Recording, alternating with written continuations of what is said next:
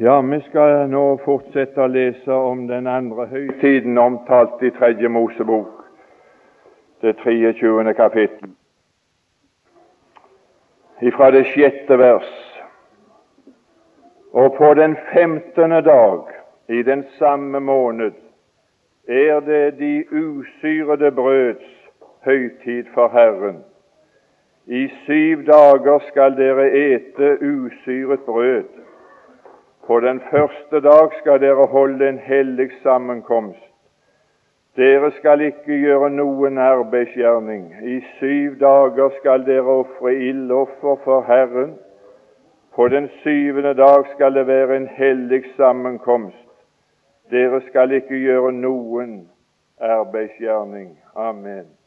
Herre Jesus, vi er fremdeles samla for ditt åsyn for å høre på de ord som er, er kommet ut av din munn. Og vi vil være med her, som det sto i dette kapittel, og være med å utrope disse høytider. Herre, måtte det være en fornyelseskraft i vårt møte med ber i ditt dyrebare navn. Amen.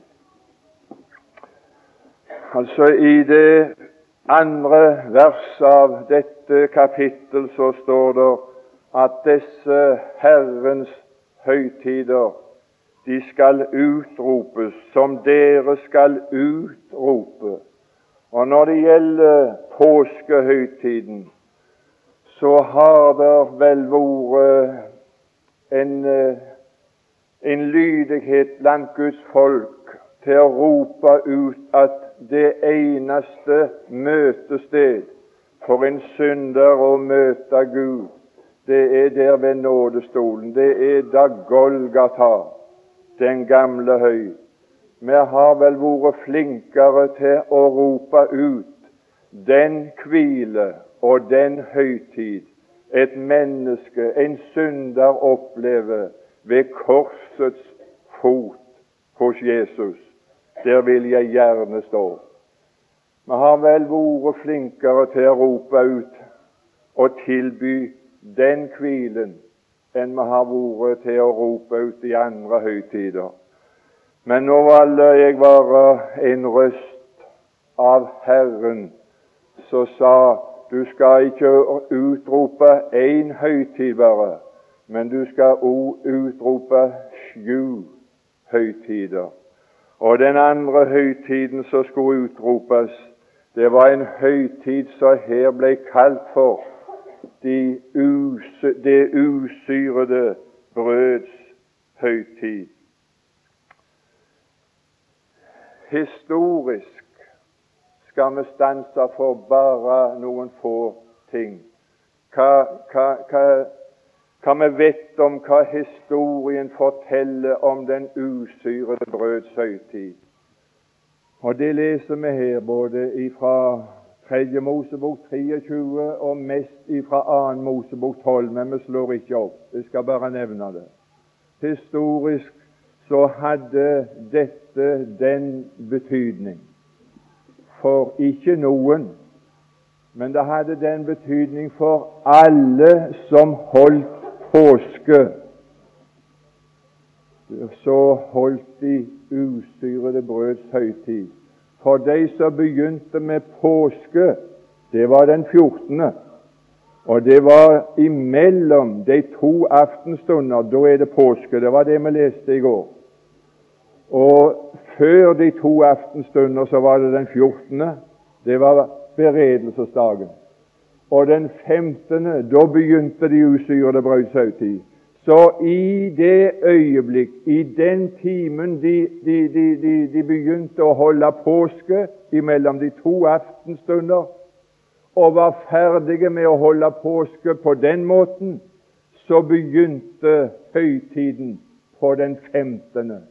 Så alle de som opplevde påske og forbigang, de fortsatte med en høytid som hette de usyrede brøds høytid. Det var historien. Men det var ikke bare det at denne høytiden begynte på, på den 15., umiddelbart etter påske var holdt. Men det, det, det så denne høytid Du vet, er det høytid hjemme hos oss òg, altså? Spesielt julehøytid. Og hjelpe meg, vi kan vel ikke holde julehøytid uten å ha julemåltid? Og de som feirte påskehøytid, de begynte å holde en høytid med måltid. Og det som utgjorde måltidet rent historisk for Israel i den gamle pakt, det var at de åt det stekte påskelam. Og det andre, det var at sammen med det stekte påskelam så åt de alle mann, unge og gamle, små og store, så åt de i sammen med påskelammet så måtte de ete bitre urter. Og i tillegg til det at de åt påskelammet og måtte ete bitre urter Skrekkelig vondt å svelge ned, altså. Jeg spotta det ut. Ingen fikk spotta det ut. De måtte svelge det ned. Og det tredje det var at de måtte ete usyrede brød. Ikke, Har du, har du et usyra brød? Altså, i femte Mosebok, der står i det 16. kapittel og det tredje vers at rent historisk, bokstavelig, slik som det var for Israels folk så opplevde å holde påske, så måtte de ete usyret brød. Og det usyrede brød, vet du hva slags navn som Gud har gitt det brød? som alle i Israel, unge og gamle, små og store, måtte ete i sammen med påskelammet og de bitre urter. De måtte ete trengselsbrød. Det usyrede brød var et brød som ble kalt for trengselsbrød. Og det skulle de ete i alle påsker for at du alle ditt livs dager skal minnes den dag du gikk ut ifra Egypten. Jeg skal ikke si mer om historie. Profetisk, den profetiske oppfyllelse av de usyrede brøds høytid, den leser du om i første Korintiabrev, det femte kapittel, det sjuende og åttende og det niende vers. Jeg bare minner om det, men der står det La oss derfor holde høytid, fordi vårt påskelam er jo slaktet.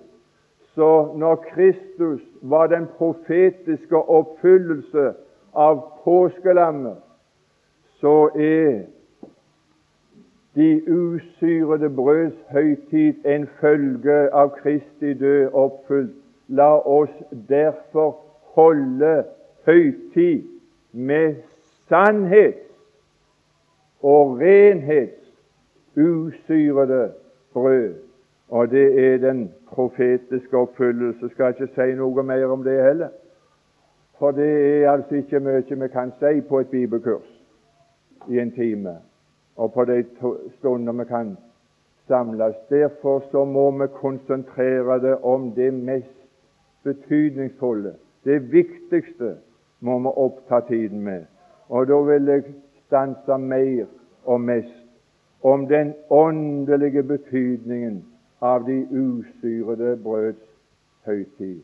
For det har en veldig vidunderlig åndelig betydning. Og er det noe som jeg kjenner en indre driv i mitt hjerte og mitt sinn, så var det å utrope at det er en høytid som Gud vil gi deg over ditt liv mens du er her i denne verden, som består i et måltid som består av disse tre delene det stekte lam, de bitre urter, det usyrede brød, trengselsbrød.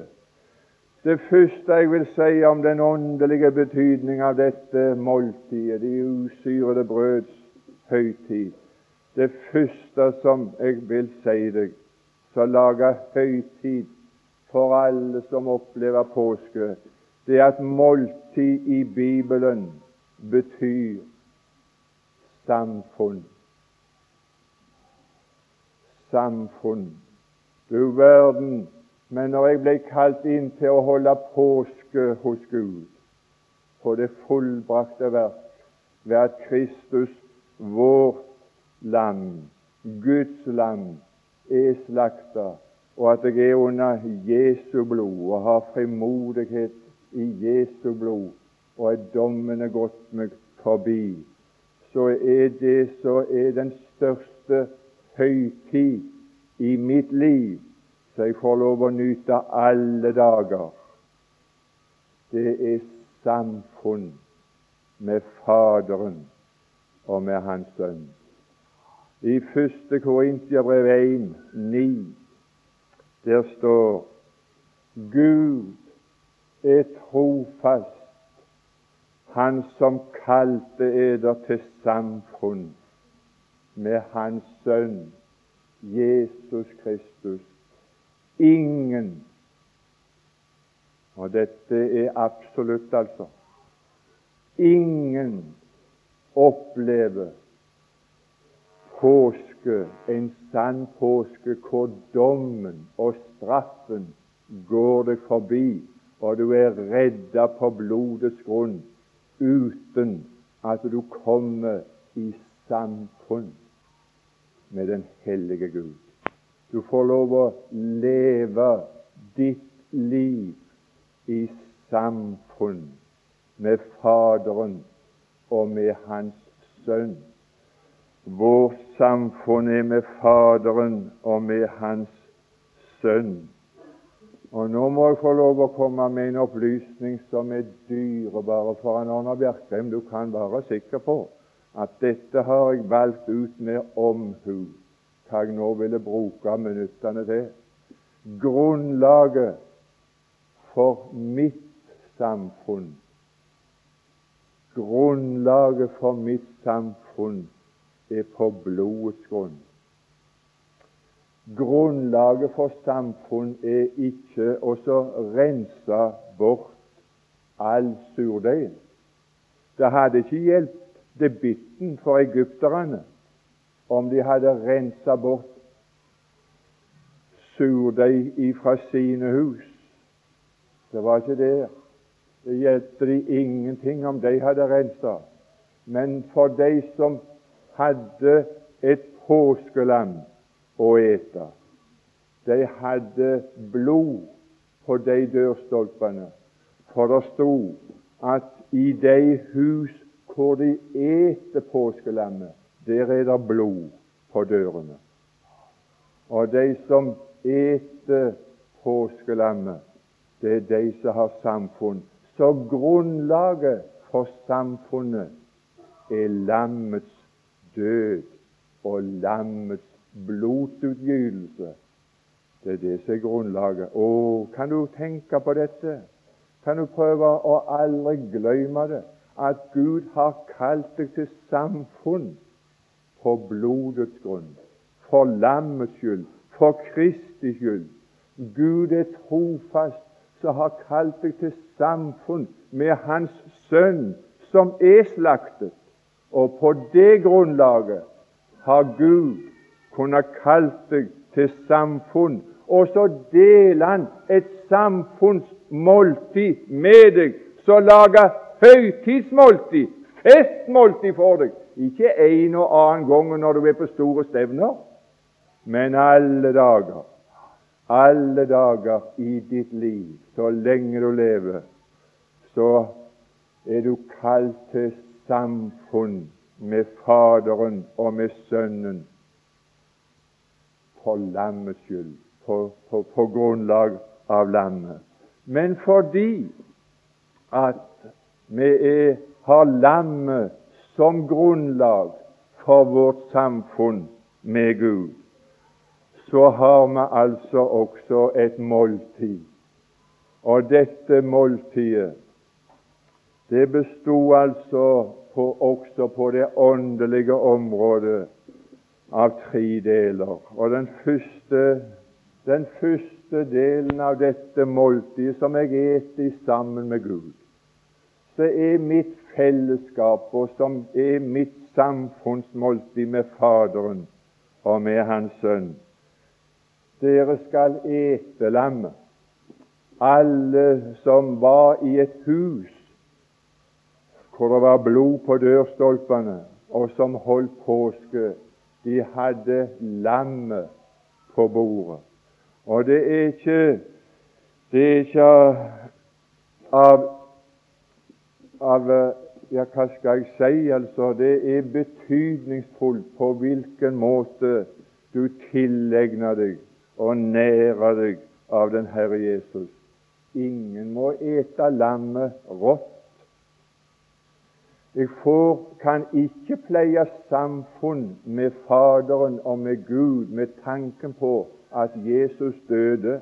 Det var ikke en alminnelig død som gjør så, så Jesus død. Og det er ikke en alminnelig død som ga meg samfunn med Faderen. Ei heller må du ete lammet kokt. Det er ikke Jesu martyrdød som er grunnlaget for mitt samfunn med Faderen. Jeg får ingen samfunn med Faderen på grunnlag av at Jesus døde som en martyr. Men grunnlaget for det samfunnet med Faderen som jeg pleier, og som jeg nyter alle dager av mitt liv etter jeg holdt påske og kom under lammets blod, det er på grunnlag av 2. Korintiabrev, det femte kapittel, og det 21. vers, det er det at lammet som jeg nyter og har samfunn med Gud, det er stekt ved ild. Han ble gjort til synd for oss.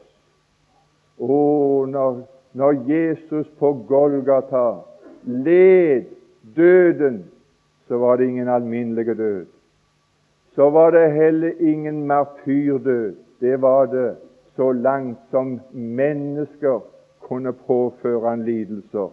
Da led han uskyldig. Da led han som en martyr. Da var det et justismord som Pilatus påførte han. Men det som er grunnlaget for mitt samfunn med Faderen, det var at Herren slo han. Det behaget Herren og knuste han. Gud slo han. Han var i Guds ild. Han betalte mi synd til siste øre. Straffen, ilden, stekte den Herre Jesus for at jeg skulle ha fred. Dette lager høytid i mitt liv. Han har kalt meg til samfunn, til en høytid som består av de usyrede brøds høytid. Jeg eter Kristus stekt ved ild. Han ble gjort til synd for oss, for at vi i ham skulle være rettferdige for Gud. Det er på det grunnlaget jeg har samfunn med Gud, for Kristi skyld så er jeg rettferdig. Gud kan ikke ha samfunn med meg som en synder, men som en frelste synder. På blodets grunn så har han samfunn med meg. Det er ikke samfunn mellom lys og mørke. Og før jeg var frelst, så var jeg mørk, og Gud var lys. Men etter denne opplevelse av at dommen og straffen gikk meg forbi ved påske han ble gjort til synd for oss, for at vi i ham skal være og er rettferdige for Gud. Det er høytid. Å, det er høytid. Du må utrope det er en høytid dagen etter påske.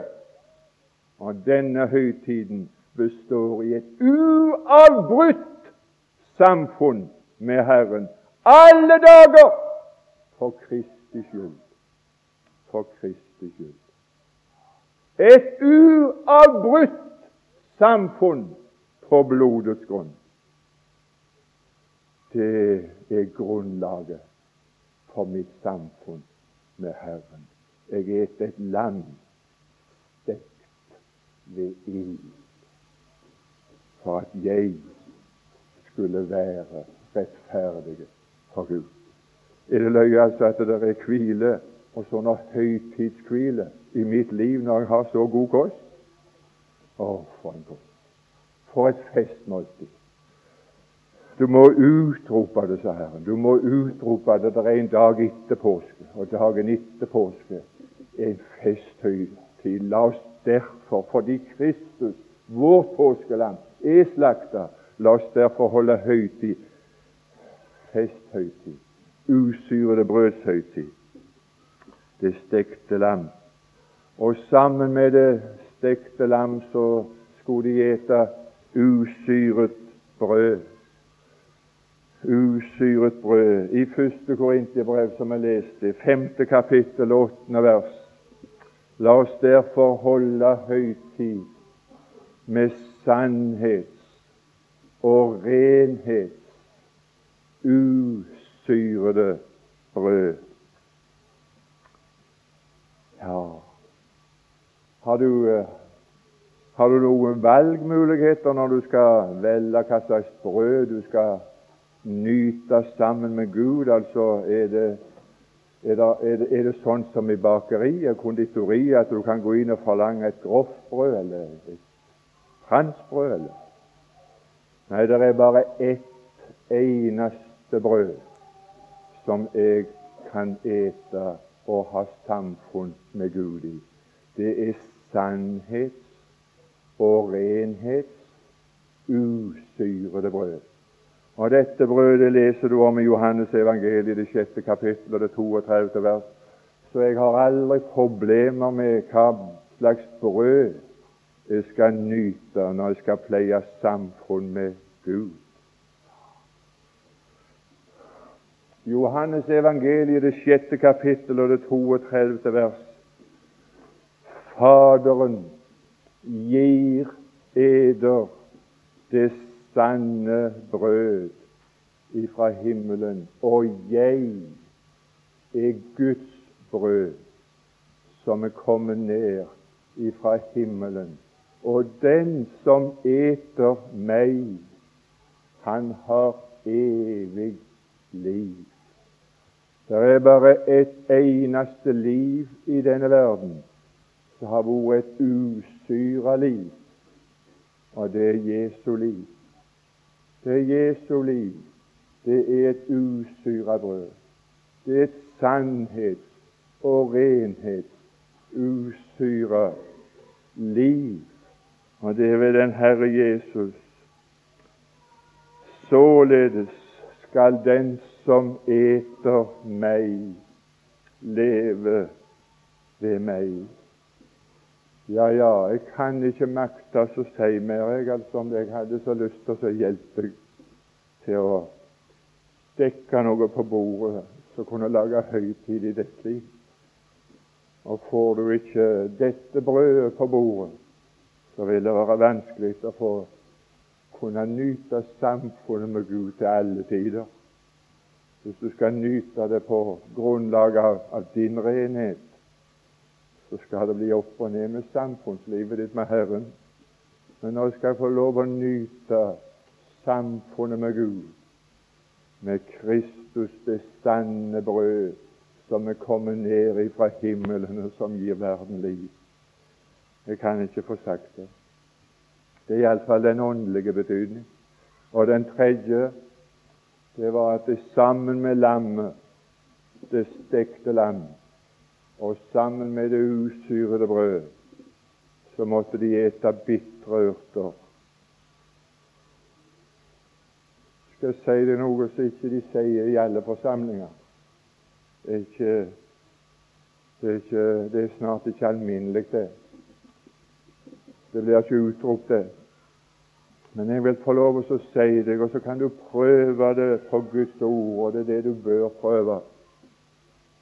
Sjøl det inderligste, det fineste samfunnsliv som leves av troende mennesker med den hellige Gud, selv det inderligste og det fineste og ømmeste samfunnsliv som leves med Gud, det er ingen som unngår bitre urter. Sjøl de som lever det inderligste liv, får noe bittert som de har vondt for å svelle ned. De går ikke fri, de bitre urter, noen. Jeg hadde bare lyst til å gjøre deg oppmerksom på dette skulle utropes at den som får lov å leve i samfunn med Herren her i denne verden, han får nyte dette samfunnet ved det stekte lam, det usyrede brød. Men det blir i sammen med bitre urter. Jeg skal ikke si mer om det. Jeg skal slutte mitt vitnesbyrd i denne timen om den personlige betydning som denne usyrede brøds høytid har. Og det er den betydningen som er absolutt den viktigste for oss å få tak i. At du kan lese om de usyrede brøds høytid, at det historisk var noe slikt noe for Israel når de skulle ut av Egypten, og hvert år når de holdt påske. Og at det var en profetisk oppfyllelse av dette, det er jo altså godt å få vite slikt. Og det er også godt å få vite at det har en åndelig betydning. Hva hjelper det deg hvis ikke du får en personlig at det ikke får en personlig betydning for det, så hjelper det deg ingenting. Det er jo det som er det forferdelige. Og det som betyr da aller mest, det er den personlige betydning det har hatt for meg, og som det har for hver enkelt som tror på den Herre Jesus og er kommet i samfunn med Han. Det første jeg leser om i det første kapittelet av Johannes brev og det sjuende vers. Der står Dersom, eller i sjette verset står det dersom vi sier at vi har samfunn med Han og vandrer i mørket, da lyver vi. Men dersom vi vandrer i lyset, like som Gud er i lyset, da har vi samfunn med hverandre. Altså de aller fleste år av mitt liv så leste jeg det verset som om det skulle stå dersom vi vandrer i overensstemmelse med lyset. Der jeg vandrer altså i lyset på den måten at jeg oppfører meg korrekt, like som Gud oppfører seg korrekt. Like som Gud er i lys. Men her er ikke spørsmål om hvorledes du vandrer. Det er ikke sagt et ord om hvorledes, men det er spørsmål om stedet hvor du vandrer. Det er ikke hvorledes nå, men først er det spørsmål om hvor. Og Da er det, da er det spørsmål om det er sant, det som jeg sier. Men det er mange som sier det i dag, at de har samfunn med Gud. Det er mange som sier det. Det er mange som gjør krav på at jeg har også samfunn med Gud. Jeg har ja, Jeg skal ikke si så mye om det, men det vet du. Men det er mange av de som lyver. Dersom vi sier at vi har samfunn med Ham, så lyver vi hvis de ikke lever altså opp til altså en viss kristen standard. Er det da de lyver? Nei, det er ikke da de lyver. For altså at det er litt forskjell på den måten som jeg og du lever opp til vår bekjennelse. Så hvis det var, hvis det var begrunnelsen for å ha samfunn med Gud, så var det ikke hver dag jeg hadde samfunn med Herren. Det skal iallfall være sant. Og det skal være sagt her, så tydelig og klart så det går an å si noe. Men grunnlaget for mitt uavbrutte samfunn, det er ikke noe som går opp og ned på grunn av min ferd og min oppførsel, men det er avgjørende om hvor stedet hvor jeg vandrer. Og Her var det spørsmål om jeg vandra i lyset. Og det var ikke bare snakk om å vandre i et hvilket som helst slags lys, men i det lyset som Gud vandrer i, like som Gud er i lyset. Og der har jeg funnet samfunn med Faderen, i det lyset som Han har åpenbart seg. I Det gamle testamentet så bodde Gud i mørket, og det var ingen som hadde sett Han hadde ikke åpenbart seg. Men det var noe som skjedde på Golgata når Kristus som Guds lam Når vårt påskelam ble slakta, så, så skjedde det noe inne i Jerusalem, i forbildene.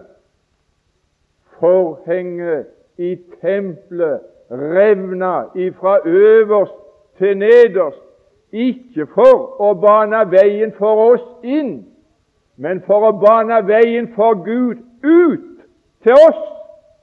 Nå hadde Gud et grunnlag hvor han kunne komme ut til syndere og omfavne dem i nåde, fordi at nå hadde Kristus med sitt blod gått inn i helligdommen og funnet en evig forløsning.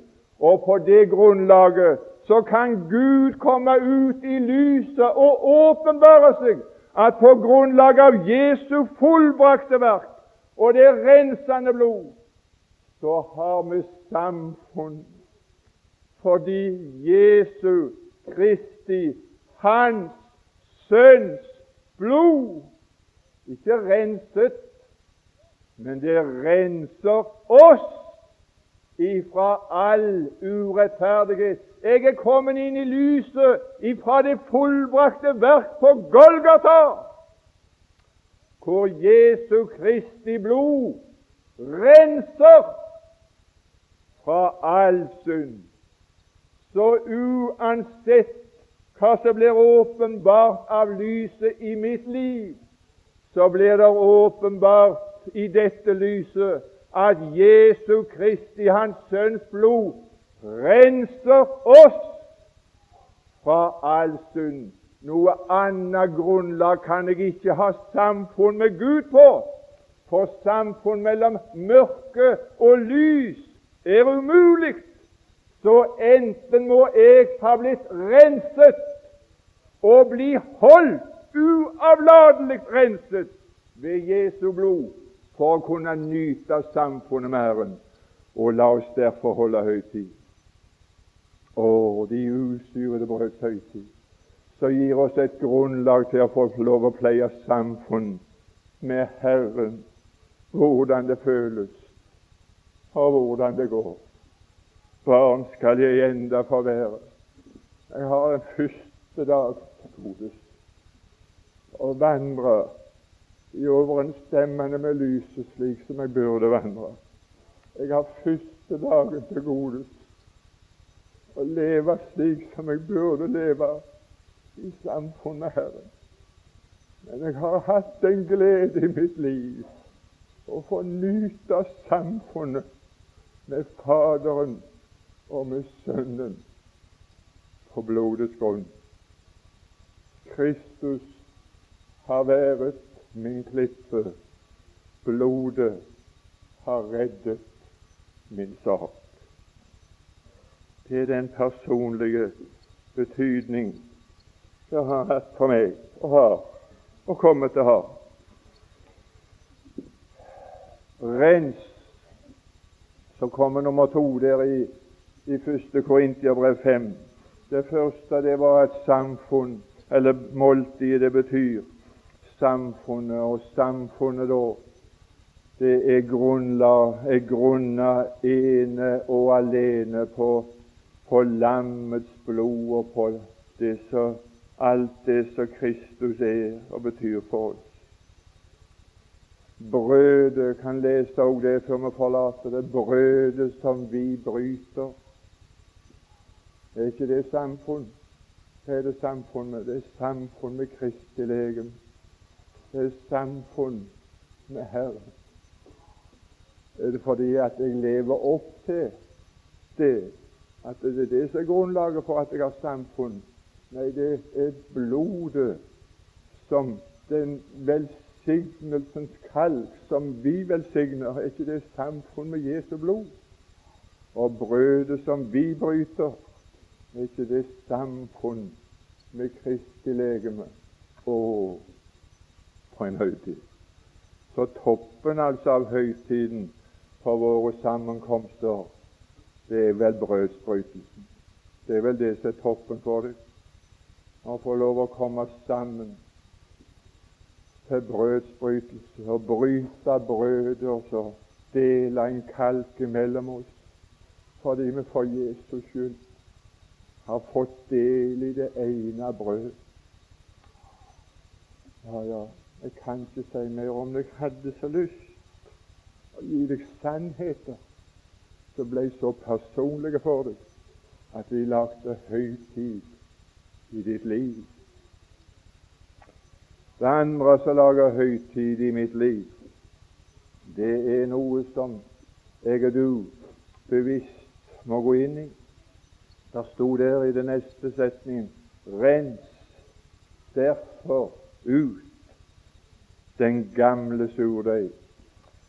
Skal ikke si noe sjøl altså om surdeig og hva det betyr, eller hva det ikke betyr. Jeg skal bare lese noe skrift dere får det. Det er en gammel surdeig.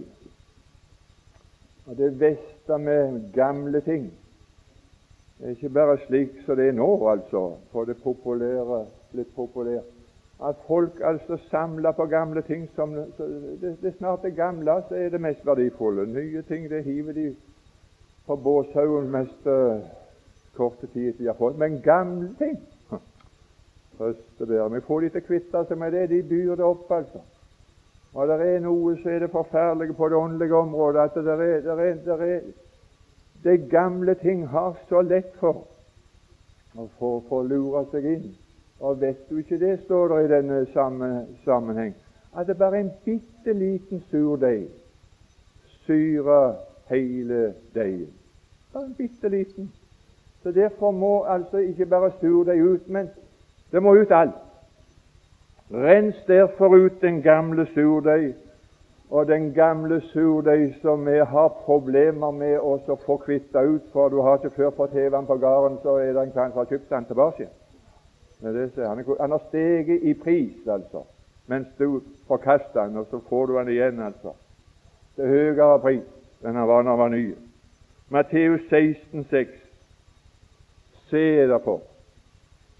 Jo, i sannhet er det fremdeles et aktuelt ord å se seg for for den som hører Herren til, som skal få lov å nyte samfunnet med Herren alle dager. Om ikke alle dager er like, så er det iallfall noe du skal kunne få lov å nyte hvis du ser deg for.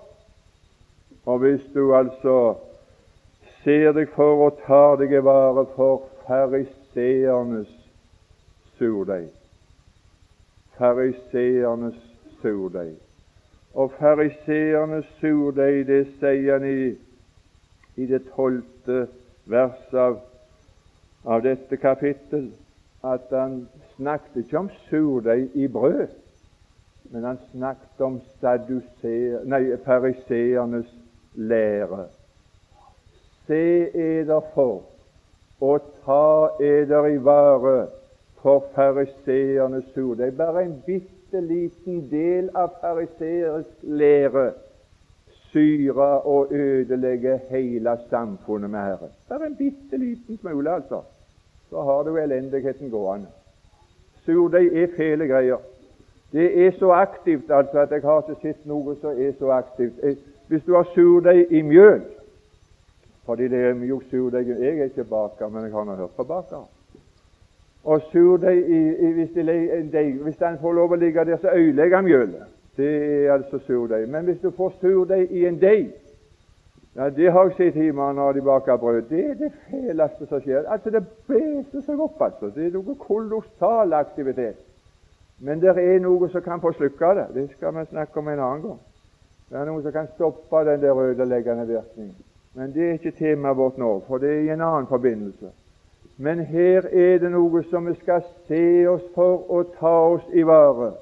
Og det som vi skal ta oss i vare for, det står i Matteus 15, og det sjette vers, at fariseernes surdeig og fariseernes lære, det er og består i at de gjør Guds lov til intet ved sine vedtekter. Vi har noe Vi får noen vedtekter i tillegg til Bibelen. Og du, hvis du Å, men det er surdeig. Jeg skal si det er surdeig som kan ødelegge samfunnet med Herren. Når du får vedtekter som går over Bibelen og gjør Bibelen til intet. Selv om det står det i Bibelen, så er det noen vedtekter av det som svarer til fariseere i vår tid, som gjør Guds ord til intet ved sine vedtekter. Ja, Det skal ikke bli spøker å få lov å nyte samfunnet med Herren uavbrutt ifølge de vedtektene. Stakkars han Arnold. Ja, han, han, han, han hadde iallfall vært langt på skauen. Altså. Jeg hadde vært verre enn de spedalske etter vedtektene. Etter vedtektene så er jeg utelukka til så jeg ønsker å være innelukka. Det er noen som har lagd noen vedtekter slik at han Arne Bjerke er en uønska person i mange av de kjæreste forsamlinger som jeg kan tenke meg i. På grunn av noen vedtekter som har gjort Guds ord til intet. Men se derfor, ta eder i vare for en slik surdeig, vedtekter som gjør Guds ord til intet. Skal ikke si noe mer om det. Jeg kan bare si det at det er bare som ny deig. Det er bare det jeg er i Kristus Jesus som gir meg samfunn. Det er ikke fordi jeg er ditt eller datt. Det er ikke fordi noen behandler meg som liten eller stor. Det er fordi jeg er i Kristus Jesus. Bare det. Bare det. Bare vær ny deg. Bare det jeg er i Kristus Jesus, gir meg et uavbrutt samfunn med Faderen og Sønnen. Det er vidunderlig.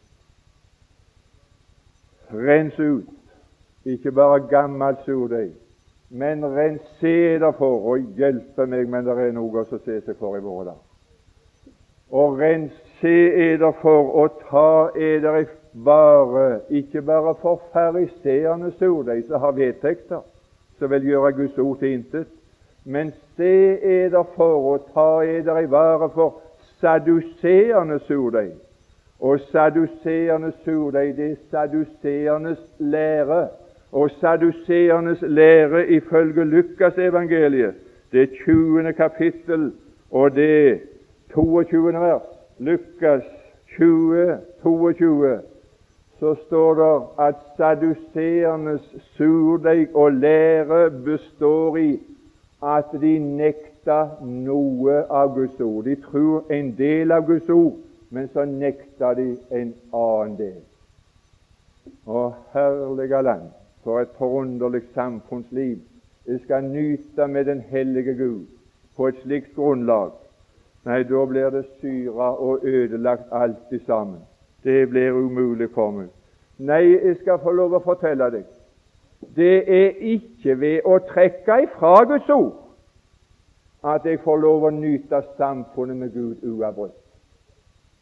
Det er ikke en sådan surdeig som har gjort det slik at jeg har samfunn med Gud, at jeg trekker ifra alle kravene i Guds ord, det som ikke passer meg, det som jeg ikke klarer å leve opp til, slår av på målet. Nei, det er ikke på grunnlag jeg trekker ifra. Nei, jeg beholder det alltid sammen. Men det er utelukkende på grunn av det jeg er i Kristus Jesus. På det grunnlaget så får jeg lov å nyte mitt samfunn uavbrutt med den Herre Jesus. Jeg er kalt til samfunn. Gud som er trofast, kalte oss til samfunn med sin sønn. Og så kommer så kommer det noe som heter Herodes' surdeig. Rens ut Herodes' surdeig. Markus evangeliet, det åttende kapittel og det femtende vers. Markus evangeliet 8, 15. Så kommer det igjen. Se derfor og ta eder i vare for Herodes' surdeig. Hva er det for noe? Herodes' surdeig. Lukas evangeliet så får du altså et ord i det 13. kapittel og det 31. vers. Så kommer det noen til Jesus, og så er det vel noen som kommer til deg. Og så sa de til Jesus, gå bort, gå bort, for Herodes har i sinne å slå deg i hjel. Vet du hva Jesus svarte? Jeg skal si han så seg for den surdeigen. Jeg skal si han tok seg i vare for den surdeigen. Vet du hva han sa? Gå bort og si til den reven der. Jeg skal si det var liste. Gå bort og så si det til den reven. For det er list. Det er list som kan få et menneske, som kan få et troende menneske til å gå bort av frykt for at Herodes skal kunne slå en troende en Det er litt. Jeg skal si at det er mange som har problemer med sitt samfunnsliv av den surdeigen med Herodes. Skal jeg lese? Ja. Jeg skal lese det som har gjort høytid i mitt liv. Og er det noe som du har bruk for? Ungdom? Ja, gamle med, altså. Men jeg, jeg, jeg, har en skrekkelig tanke på alle de som har sagt ja til Herren i denne vonde tida. Altså, Herodes har aldri vært så dominerende i denne verden som nå. Og fariseerne har aldri vært så dominerende, og saduserende vil jeg ikke snakke om, Så nekter Guds ord og trekker ifra både her og der. Og, og mennesker, troende mennesker skal prøve å lappe sammen og kunne leve et liv i samfunn med Herren uten å ha vond samvittighet. Så er de med på det, og så er de med på det, og så er de med på det. Så bare trekker de fra. Det er ikke synd. Det, det var synd i gamle dager, men det er ikke synd nå lenger. Stakkar, stakkar, stakkar folk.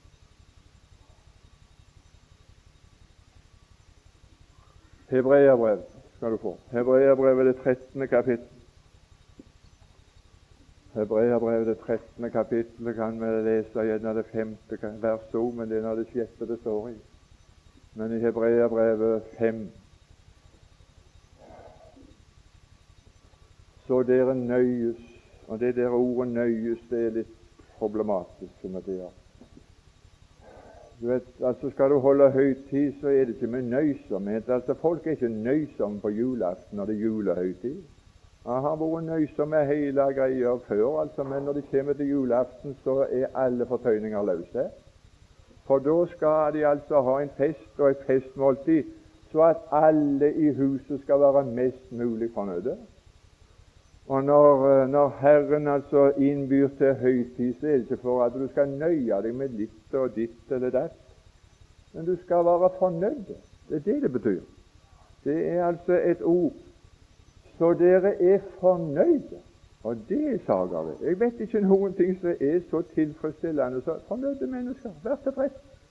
Jeg, jeg løy meg aldri hvor sjokkert jeg ble.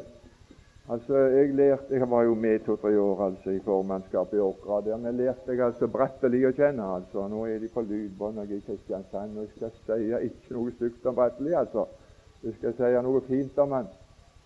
Men altså, noe som jeg syns er negativt likevel altså, Jeg fikk lov å lære han å kjenne personlig oppe når de innvidde skulle begynne på Haukeliveien. Så gammel er jeg, altså. Jeg var med på den festen der oppe. Og Den natta der så satt jeg sammen med Bratteli, for han var en av de få som var totale avholdsmenner. Og vi hadde det skrekkelig interessant å snakke sammen. Og jeg lærte mye gjennom den samtalen der. Men så sa han noe så jeg aldeles Altså Jeg, jeg, jeg ble Jeg, jeg fikk gåsehud. Han sa det i den samtalen der altså at det, det, er, det er et sykdomstegn på et folk hvis de er fornøyde. Er det et sykdomstegn at folk er fornøyde? Ja, altså ingen må stivne til i tilfredshet. De må alltid begjære noe mer. Og vi i nå, altså i det politiske liv, skulle ha grunn til å være fornøyde med tingenes tilstand, så er det et sykdomstegn hvis vi slår oss til ro og er fornøyde med det vi har. Vi må alltid begjære mer og erobre mer, noe bedre, neste år enn det var i år. Ah, det er visst ikke det motivet alle blir smittet av i går og da. Men det er noe det er noe som gjør høytid. Det er det som lager det grått, at vi ikke er fornøyde. Men det å, å være tilfreds Å, det er herlig, det. Det vil Å, nå Jeg sa det når vi kjørte ned gjennom her, for det er ikke alle mine dager jeg er fornøyd men så sa jeg til kona mi altså Dette er den kjekkeste dagen jeg har levd på lenge, når vi kjørte nedover til bibelkurset. For jeg var så i godt humør. Jeg var så tilfreds på alle vis. Det var, ikke, det var ingenting altså som marte meg, og ingenting som irriterte meg. og Ingenting, altså. Det var bare tilfredsstillelse. Jeg har aldri opplevd nesten en sånn dag. Det, det, det, var bare altså en fornøyelsestur. Og det er altså vidunderlig altså at Herren inviterer mennesker til noe som kan tilfredsstille. Så dere er tilfreds og fornøyde. Hva med? Med det Han har sagt. For Han har sagt. Og det Han har sagt, det kan tilfredsstille en ungdom i 1982 og en gammel i 1982. Så dere er tilfreds fordi Han har sagt 'Jeg vil ingenlunde slippe deg'. Det er samfunnet. Selv om kjæreste venn de svikter, aldri svikter deg Guds sønn. Å, men det er tilfredsstillende. For Han har sagt 'Jeg vil ingenlunde slippe deg'. Jeg vil ingenlunde forlate deg. Så resultatet av å være tilfreds på den måten, så dere kan si med fritt mot Herren er min hjelper. Hva står det da? Det står noe om mennesker. Det står noe om sånne Herodeser. Nei, da, da er det ikke noen mennesker som du trenger frykte lenger. Gå og si til den reven der så skremmer dere vekk, og gå og gjemme dere.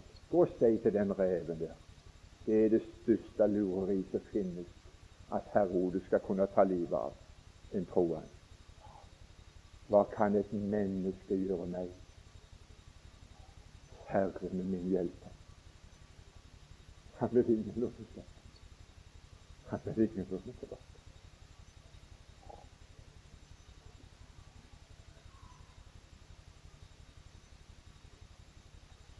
Hun synger litt på sangen 'Hvilken venn vi har i Jesus'. Synger litt på den. Hun nynner litt på hver strofe ned gjennom der. Men til tross for det så slutter han med til tross for dette at samfunnslivet med Herren er slik, så er det ingen av de som pleier samfunn med Herren, som unngår de bitre urtene. Mamma, jeg vil ikke ha det der. Det, det, det var så bittert. Jeg får det ikke ned. Jo, du skal ha det. Jeg klarer ikke å få det ned. Spotta det ut. Og du verden, hvor mye det har vært i mitt samfunnsliv med Herren så jeg hadde lyst til å spotte ut. Jesus, dette her, dette her liker jeg ikke. Det er så bittert. Jeg får det ikke ned, Jesus. Jo, du får det ned noe Ikke et bitre hjerte alene. Ikke, ikke ta inn det bitre. rein. Ta de sammen med det stekte lam, så skal du se det går ned. Ta de sammen med det stekte lam, så skal du se du klarer å svelge selv det bitreste av det bitre. Herre Jesus. Vi får ditt åsyn. Vi er her med et hjerte som du har rørt med tilfredsstilt. Vi er her for ikke å be. Vi er her for å tilbe deg og takke deg og prise deg. Og jeg vil bare si takk, takk, at også jeg fikk være med.